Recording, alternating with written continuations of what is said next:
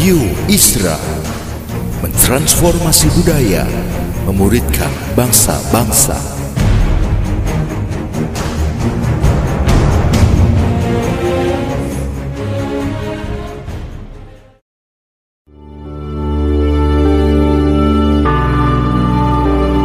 Apostolic Prophetic Messages mengungkapkan pesan dan arahan dari hati Tuhan bagi gerejanya demi menuntaskan mandat kerajaan Allah di Indonesia dan bangsa-bangsa. Selamat mendengarkan.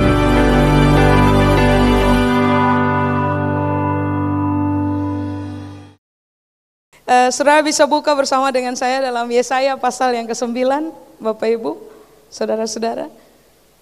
Ayat 6.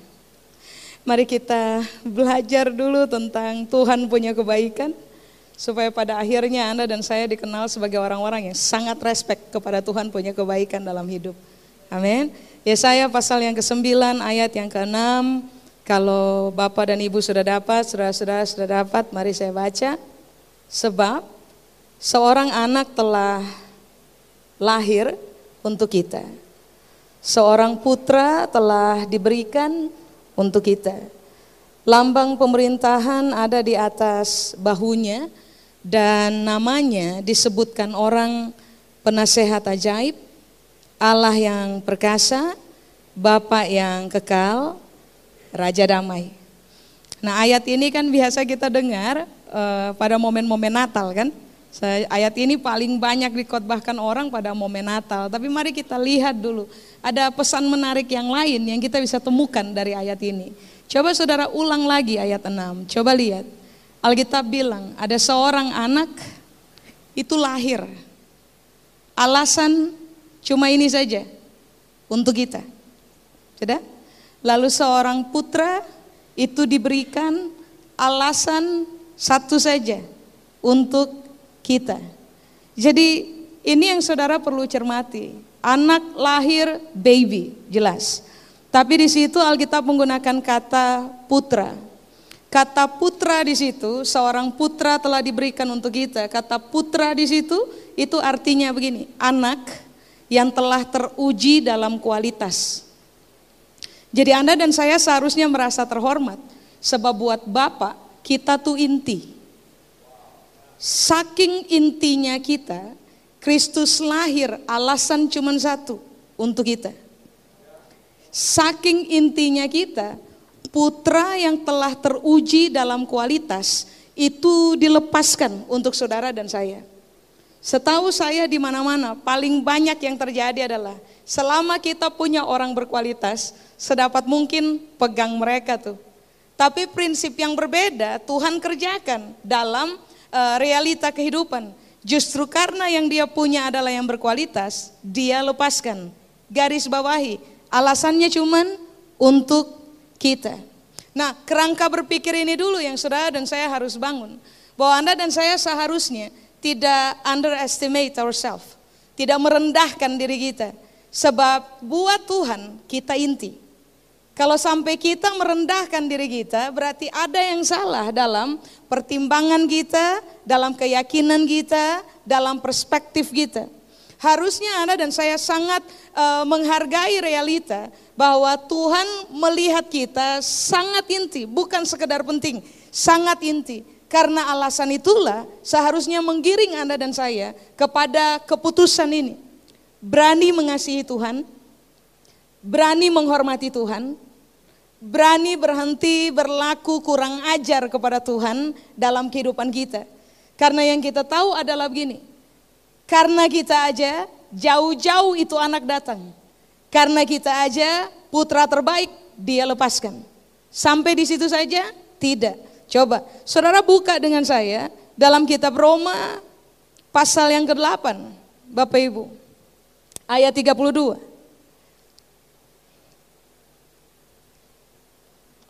Coba bilang buat rekan di samping, saya inti. Ya, oke coba sekarang lihat Roma pasal 8 ayat 32. Nah coba Alkitab bilang ini, iya yang tidak menyayangkan anaknya sendiri, tetapi yang menyerahkannya buat siapa? Yesaya tadi bermain kalimat ini untuk kita. Tetapi Paulus bermain kalimat yang lain bagi kita.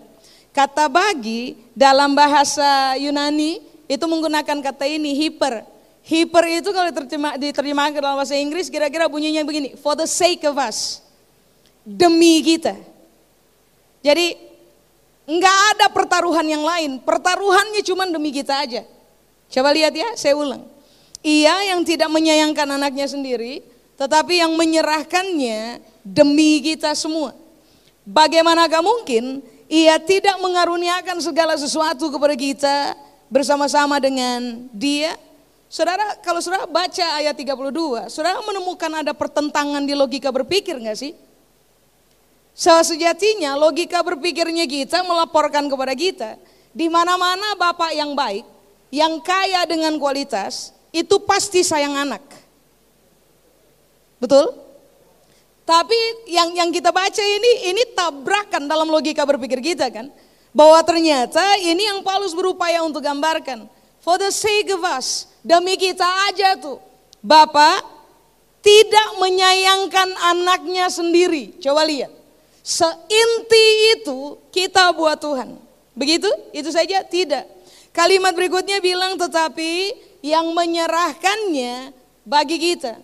Kata menyerahkan di situ dalam bahasa Yunani kata yang dipakai adalah paradidomi. Paradidomi itu bukan sekedar menyerahkan biasa Pak Ibu Saudara-saudara. Paradidomi itu artinya ini, menyerahkan ke dalam bahaya. Jadi coba saudara lihat. Satu, dia nggak sayang anaknya cuma demi kita. Dua, dia serahkan anaknya ke dalam bahaya, alasan cuma satu saja, demi kita. Kalau ini nggak bikin kita punya hati remuk, lalu memutuskan untuk mengasihi Tuhan dengan cara seperti yang kita pahami untuk bisa mengasihi Tuhan seperti yang telah dia kerjakan, pertontonkan dengan hebat kekuatan dari kasihnya kepada kita. Menurut saya berarti ada yang salah di kita punya otak. Karena kalau Tuhan sudah berkorban begitu rupa dengan cara yang ajaib banget buat kita, lalu kita masih menganggap remeh dia punya karya, kita tidak menganggap bahwa apa yang dia kerjakan adalah hal yang harusnya dihormati seumur hidup, itu harusnya memicu kita untuk mengasihi Tuhan tanpa syarat. Kalau itu bukan pilihannya kita, berarti saya ulang, ada yang salah di kita punya cara berpikir. Realitanya kan sekarang begini Pak Ibu. Semua orang tahu Yesus mati karena dia menyerahkan nyawanya di atas kayu salib. Tahu. Semua orang tahu sebelum Yesus tergantung di atas kayu salib dia harus menjalani penderitaan yang di luar batas beri kemanusiaan. Tahu. Semua orang tahu bahwa Yesus ganti kita punya posisi. Harusnya kita yang teraniaya dia ganti kita punya posisi. Semua orang tahu itu Kristen tahu? Tahu. Semua orang tahu bahwa kita telah membuat dia yang tidak pernah berdosa menjadi dosa gara-gara kita. Semua orang tahu itu statement, itu kebenaran. Semua orang Kristen tahu. Cuma kita punya masalah. Kita tahu banyak, tapi kita tetap tidak hormati Tuhan. Kita tahu banyak, tapi kita tidak mengasihi dia sampai kepada batasan tanpa syarat. Sampai dengan hari ini masih banyak juga orang yang menantang Tuhan untuk membuktikan Tuhan punya kasih buat dia punya kehidupan.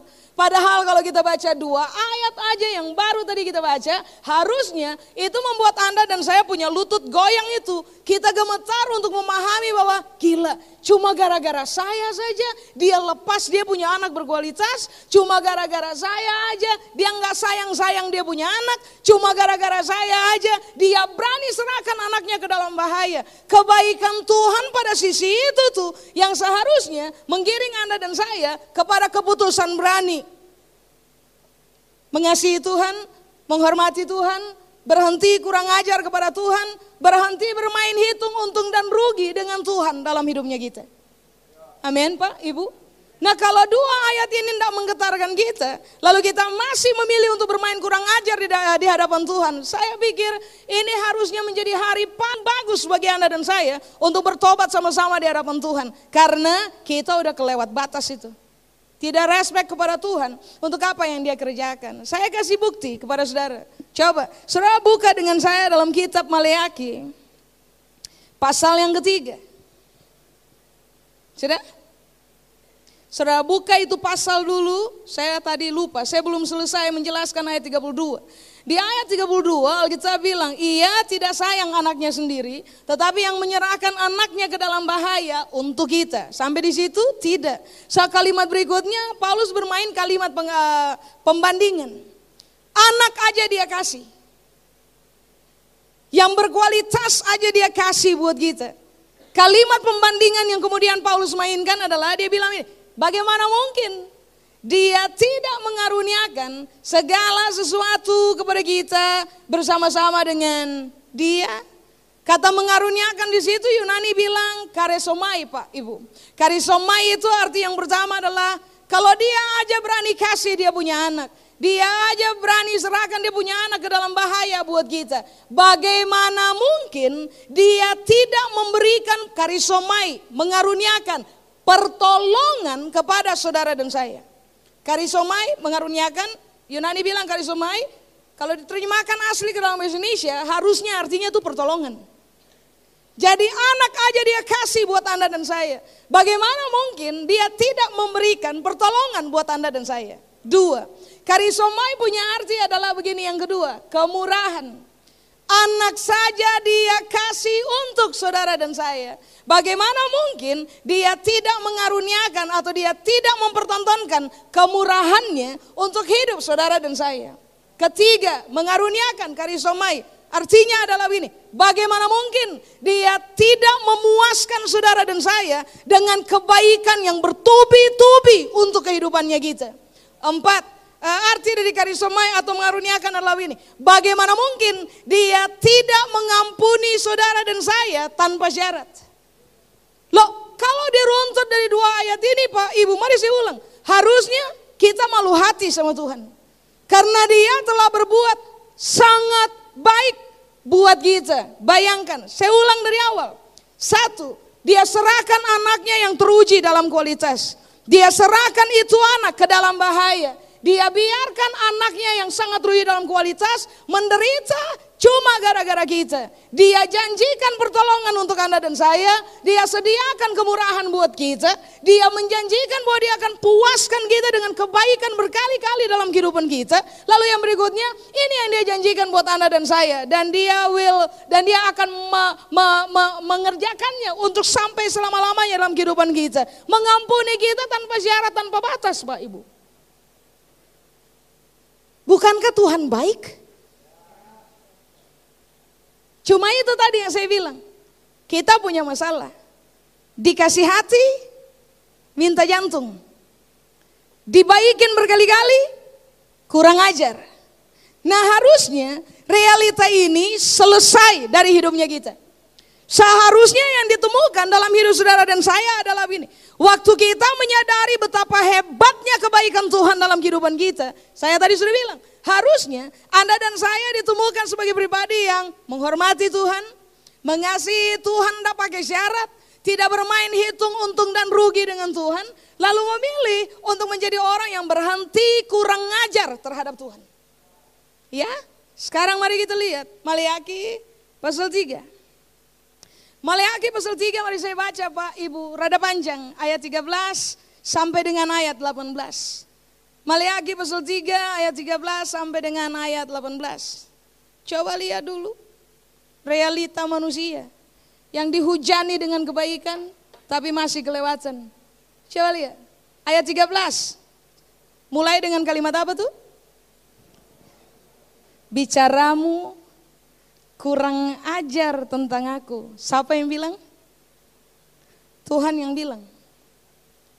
Saudara sering ketemu ini kalimat dalam Alkitab? Enggak.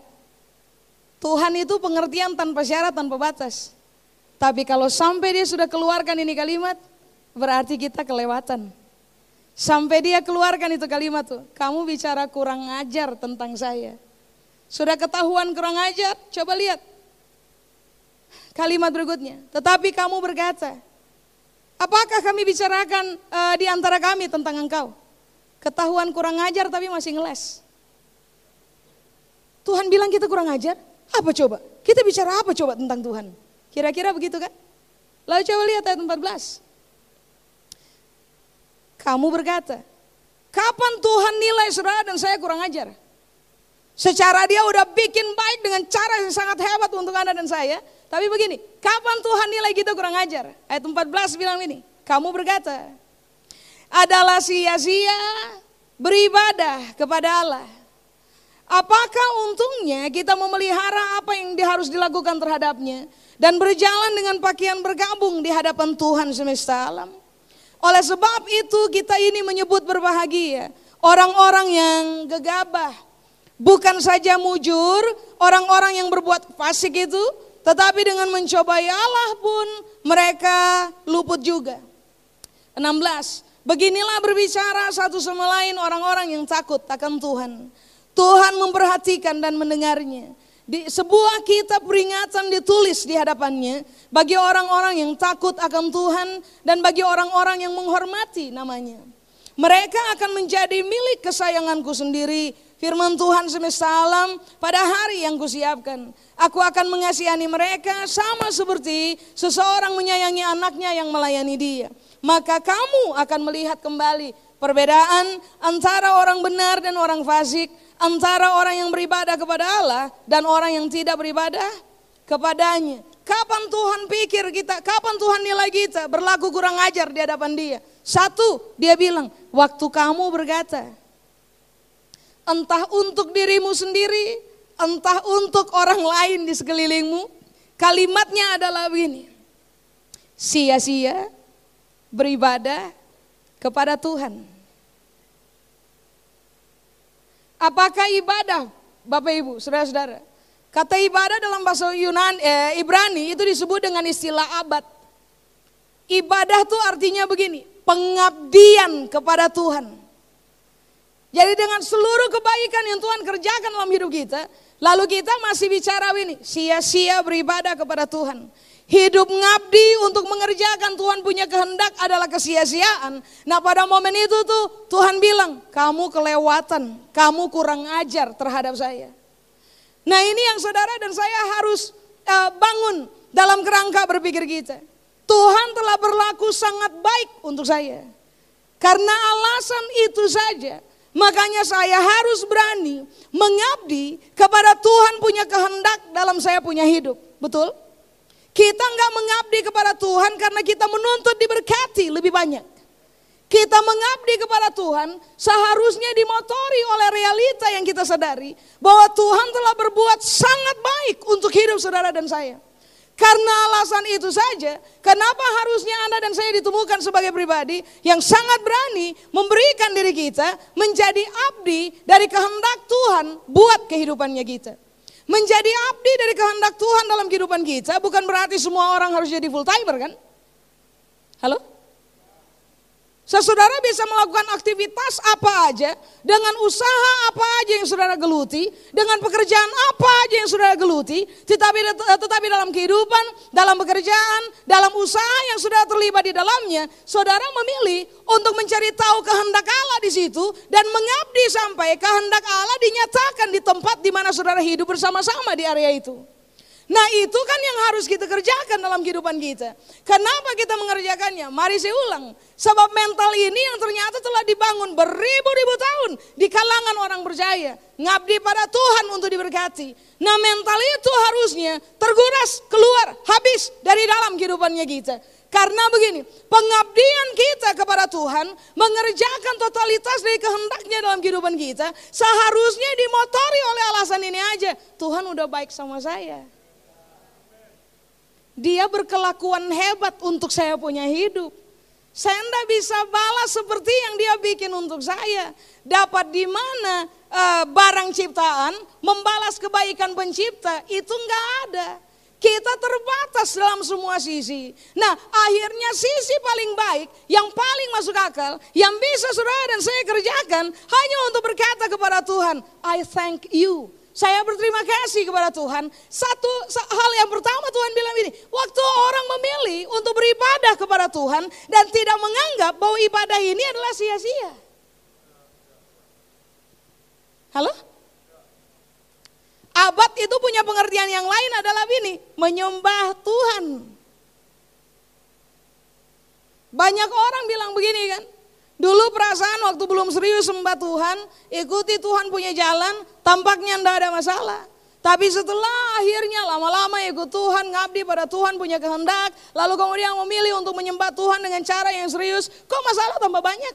Sehingga akhirnya kita memilih untuk kalau gitu caranya udah ndak usah terlalu serius dengan Tuhan sudah. Dan kita beranggapan bahwa ibadah pengabdian kita, penyembahan kita, keputusan kita untuk menjadikan dia sebagai raja, lalu kita memilih untuk menyembah dia adalah sebuah kesia-siaan. Tahukah saudara pada momen itu bahasa saya, kemungkinan Tuhan geleng-geleng kepala, pukul dada, elus dada, saya berkata ini anak kurang ajar sudah. Nah itu kan yang perlu kita pertimbangkan. Halo? Sekarang kalau ditanya begini, kenapa saya harus beribadah kepada Tuhan? Jawaban kita harusnya sangat mendasar kepada keyakinan ini. Saya beribadah kepada Tuhan karena dia telah berbuat baik kepada saya. Selesai. So, kalau dikaitkan dengan persoalan berkat, kata saya itu terlalu dangkal. Saya dan saya harus paham bahwa tentang persoalan diberkati itu Tuhan punya keputusan untuk hidupnya kita. Dia yang telah mengatur bahwa kita nggak pernah ditakdirkan untuk mengejar berkat dalam hidup. Saya kalau sudah baca perjanjian lama, sudah akan menemukan bahwa uh, Alkitab bilang ini, and all this blessing will haunt you in life. Dan seluruh berkat ini akan memburu kamu dalam hidup. Kita nggak didesain untuk buru berkat. Berkat itu didesain untuk buru kita. Jadi kenapa Anda dan saya beribadah? Bukan untuk buru berkat. Kita beribadah karena kita respect kepada seluruh kebaikan yang telah Tuhan kerjakan dalam kehidupan kita. Selesai. Amin. Nah mari kita lihat dulu alasan yang uh, kedua, kedua tentang tentang kurang ajar. Sudah dibaikin tapi masih kurang ajar. Kapan Tuhan bilang, saudara dan saya kurang ajar? Ternyata ini, ini yang terjadi. Saudara, adalah sia-sia beribadah kepada Allah. Kalimat berikutnya bilang apa? Apakah untungnya kita memelihara apa yang harus dilakukan terhadapnya? Saya pikir itu kalimat kalau dibikin sederhana artinya apa coba? Kira-kira tuh artinya ini. Kita taat untungnya kita apa?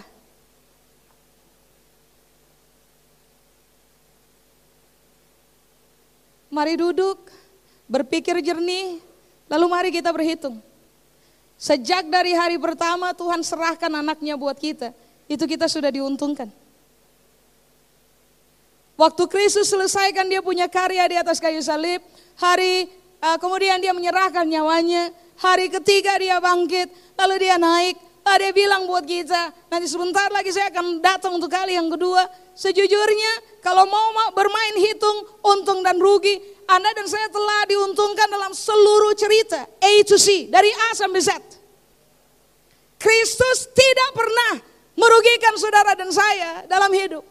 Apa yang dia kerjakan dalam hidup saudara dan saya, seluruh realita kebaikan yang dia hujani kita dengan kepentingan supaya kita puas dengan kebaikannya, itu tidak pernah bertujuan untuk merugikan saudara dan saya. Masalah kita adalah telah dihujani dengan kebaikan berkali-kali, lalu oh, lalu orang masih juga mengajukan pertanyaan ini. Saya taat sama Tuhan, untung saya apa? Saya ulang.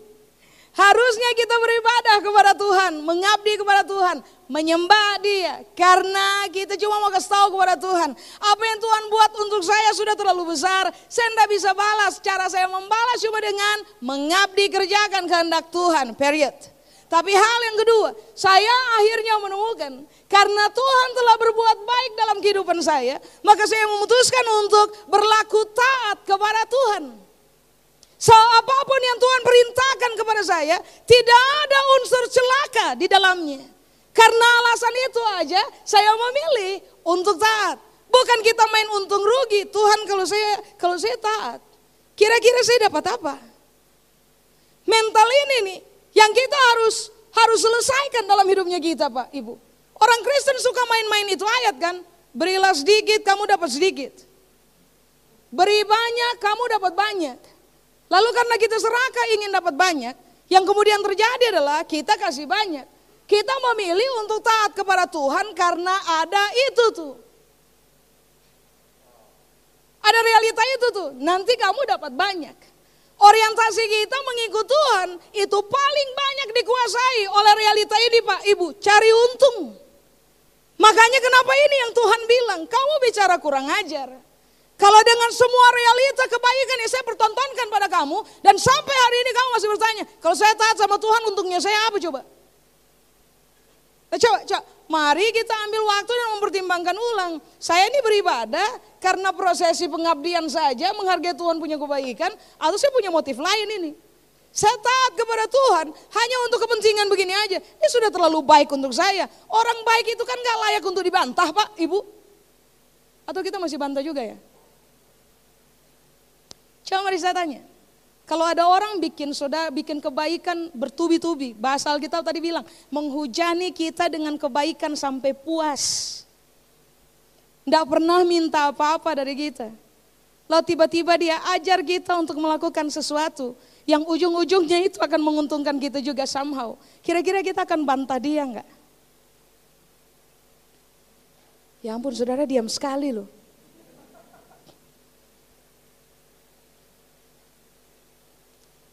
Dalam keyakinan saya secara pribadi, saya meyakini bahwa ketika ada orang bikin baik sama kita dan gak ada upaya cari untung di dalamnya, dia tidak pernah minta apa-apa dalam hidup. Sekalinya dia minta dan kita tahu kita bisa mengerjakannya, kita kerjakan saja kan. Tanpa harus bertanya, oke okay, oke, okay. kalau saya kerjakan saya dapat untung apa? Itulah sebabnya kenapa Tuhan bilang, kamu kurang ajar.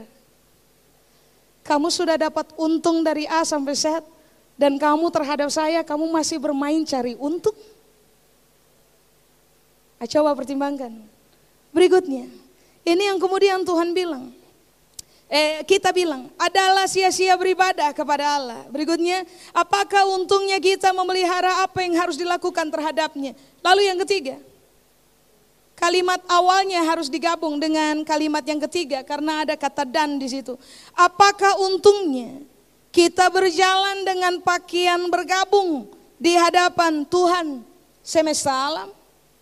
Jadi coba lihat, mental cari untung. Untung yang saya dapat kalau taat itu apa? Berikutnya, untung yang saya dapat kalau hidup bertobat itu apa? Berjalan dengan pakaian berkabung dalam perjanjian lama Bapak Ibu, itu selalu punya cuma dua arti saja. Arti yang pertama, orang lagi meratap. Karena kehilangan sesuatu dalam hidup. Makanya mereka pakai pakaian kabung. Tapi arti yang kedua, berpakaian kabung itu artinya begini, orang bertobat. Secara itu yang Tuhan bilang, kamu bicara kurang ajar. Kalau kamu bertanya, untungnya saya apa? Kalau saya hidup dalam pertobatan. Mari saya kasih tahu Pak Ibu. Waktu orang hidup dalam pertobatan, keuntungan kita adalah kita dapat kekuatan untuk pikul salib. Waktu orang hidup dalam berbuat dalam pertobatan, kita dapat kekuatan untuk uh, apa lagi? sangkal diri. Waktu orang hidup dalam pertobatan, kita akan dapatkan kekuatan untuk hidup searah dengan cara Kristus hidup.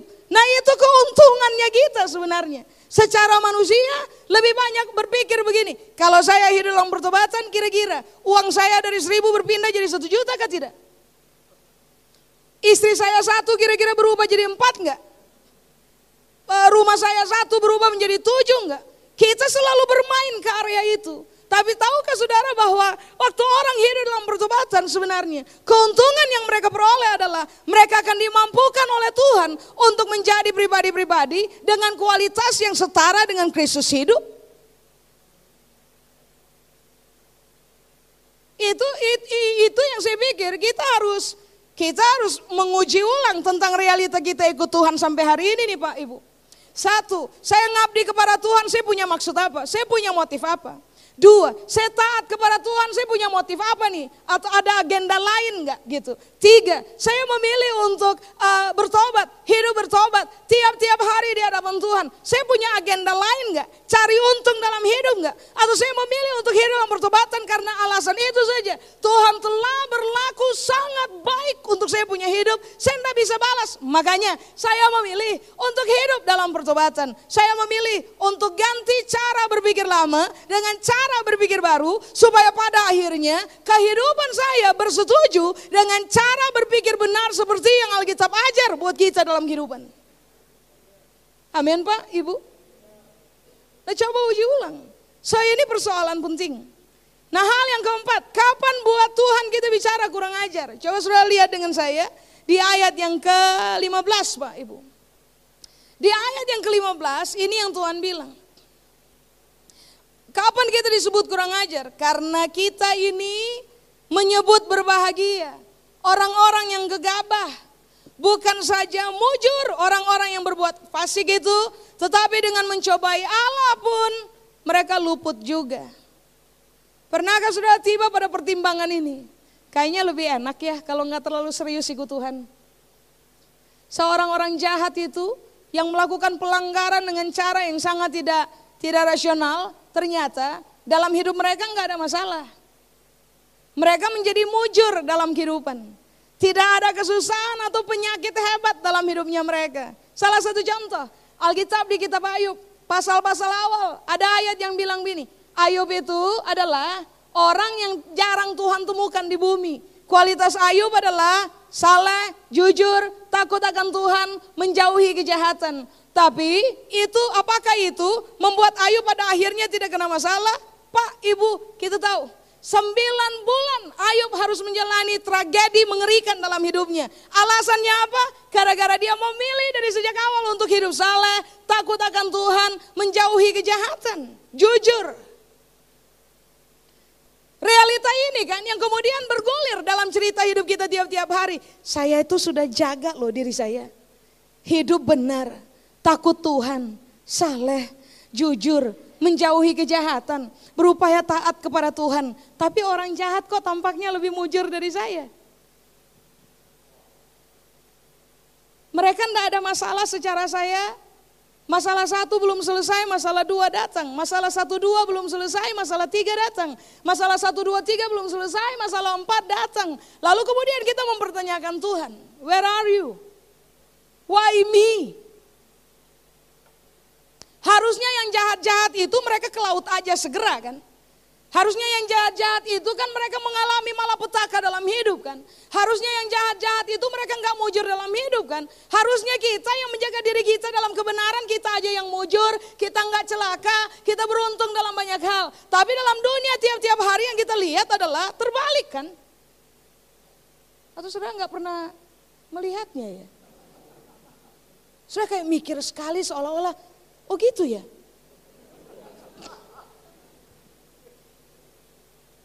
Pernah nggak ada pada titik itu tuh? Kalau gini caranya, nggak usah terlalu saleh. Nggak usah terlalu serius ikut Tuhan.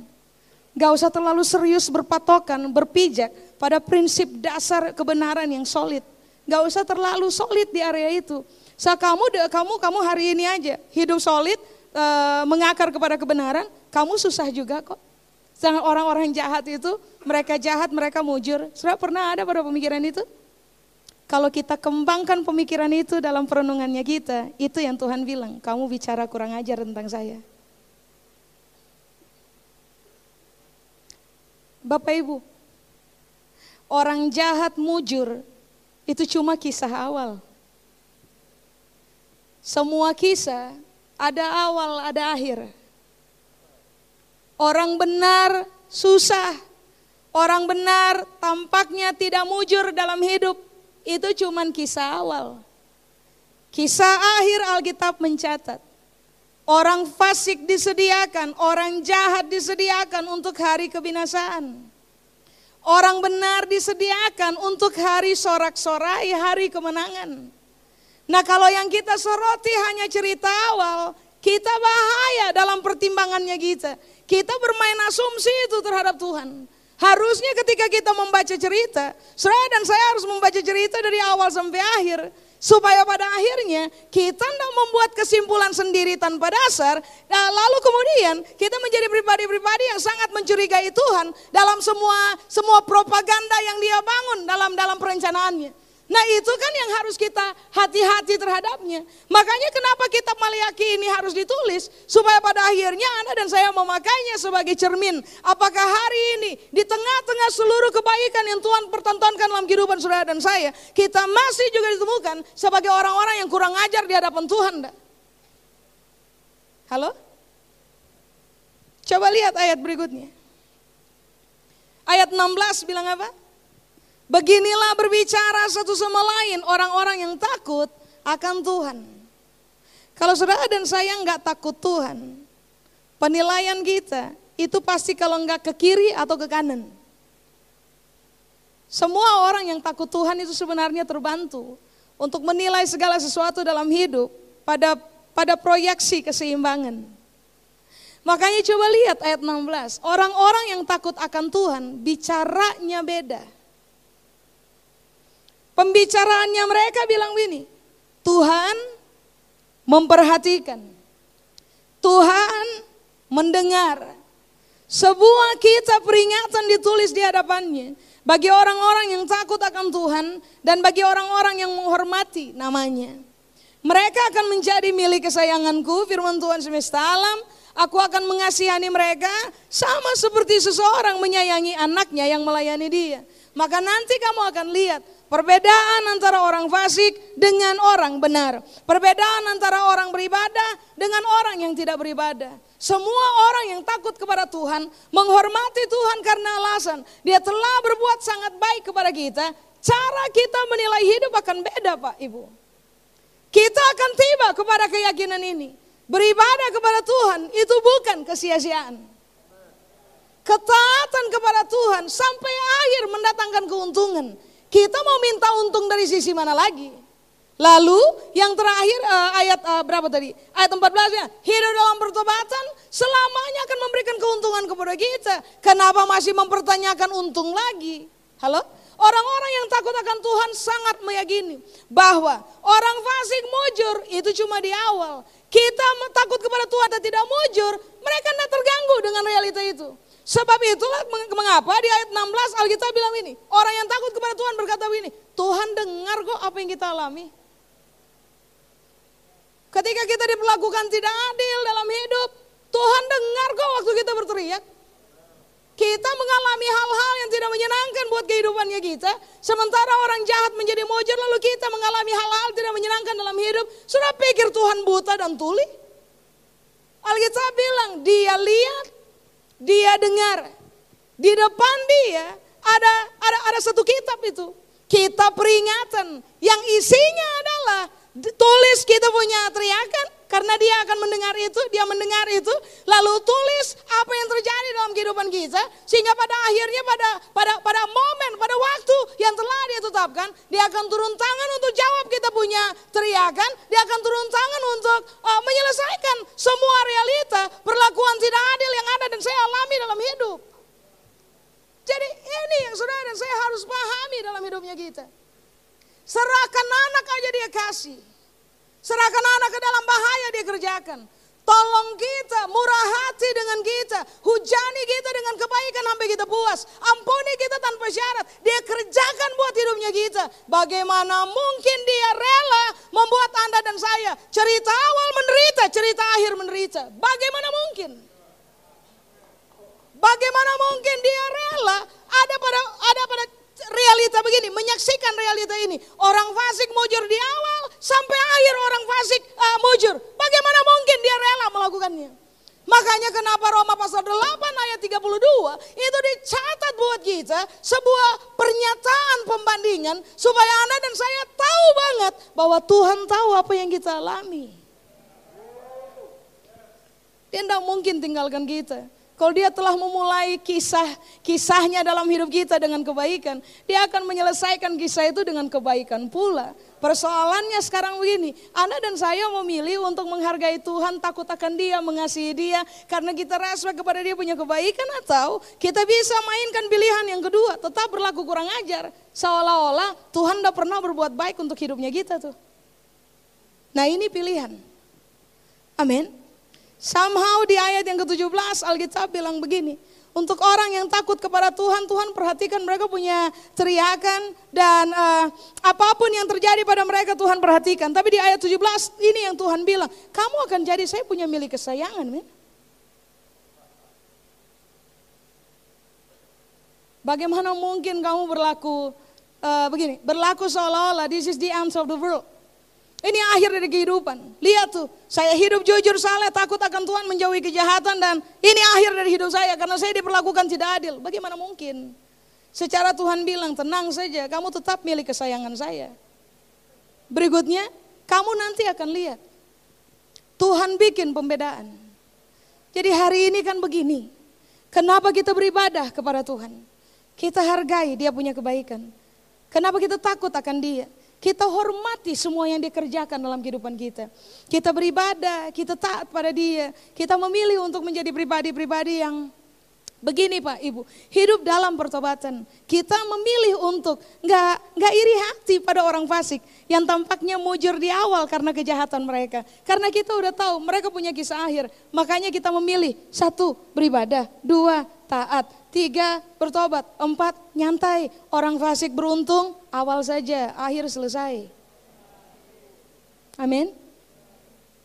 Sudah saya selesai. Tuhan Yesus memberkati. Bapak Ibu, saya undang saudara mari bangkit berdiri. Mari kita datang kepada Tuhan.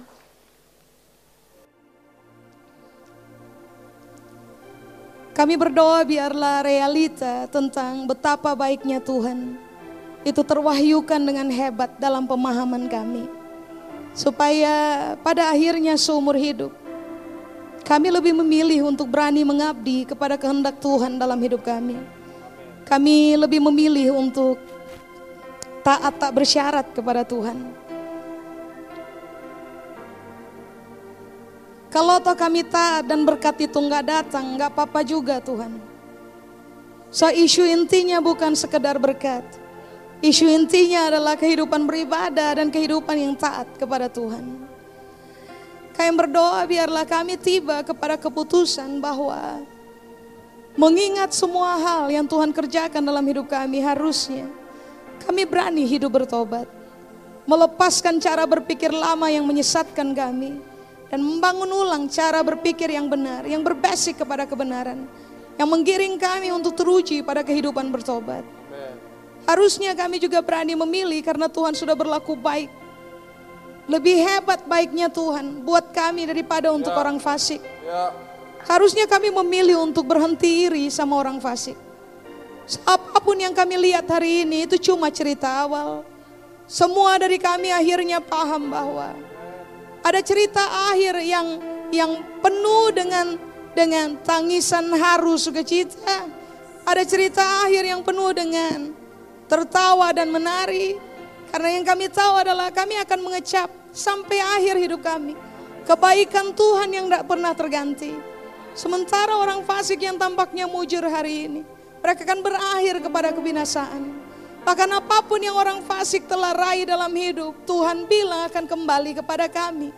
Tuhan akan menggiring kami kepada pemilikan yang hebat dari kepenuhan kehendak Allah dalam hidup kami. Kiranya kami semua ada pada posisi sangat menghargai Tuhan dan memilih untuk berhenti kurang ajar terhadap Tuhan. Sangat mengasihi Tuhan berhenti kurang ajar kepada Tuhan. Sangat memilih untuk segan, malu hati sama Tuhan. Jadi kami ikuti aja perintah Tuhan. Supaya pada akhirnya seumur hidup. Waktu Tuhan dengar kami, waktu Tuhan perhatikan hidup kami. Tuhan tidak mendapati kurang ajar di dalam kami. Yang Tuhan dapati adalah kami anak-anak yang memilih hidup beribadah, taat pada Tuhan, bertobat dan berhenti iri hati. Firman ini kiranya Tuhan materaikan dalam pertimbangan kami, perenungan kami supaya seumur hidup kami dikenal sebagai bukan hanya pendengar-pendengar kebenaran yang baik, tetapi juga pelaku-pelaku kebenaran yang sangat teruji. Biar cara hidup kami yang benar, ada banyak orang yang mengikut Kristus di dalam kerajaan. Berkatmu menyertai kami turun-temurun untuk Tuhan seluruh kemuliaan. Dalam nama Yesus kami berdoa. Sama-sama kita bilang amin. Amin. Tuhan memberkati Bapak Ibu.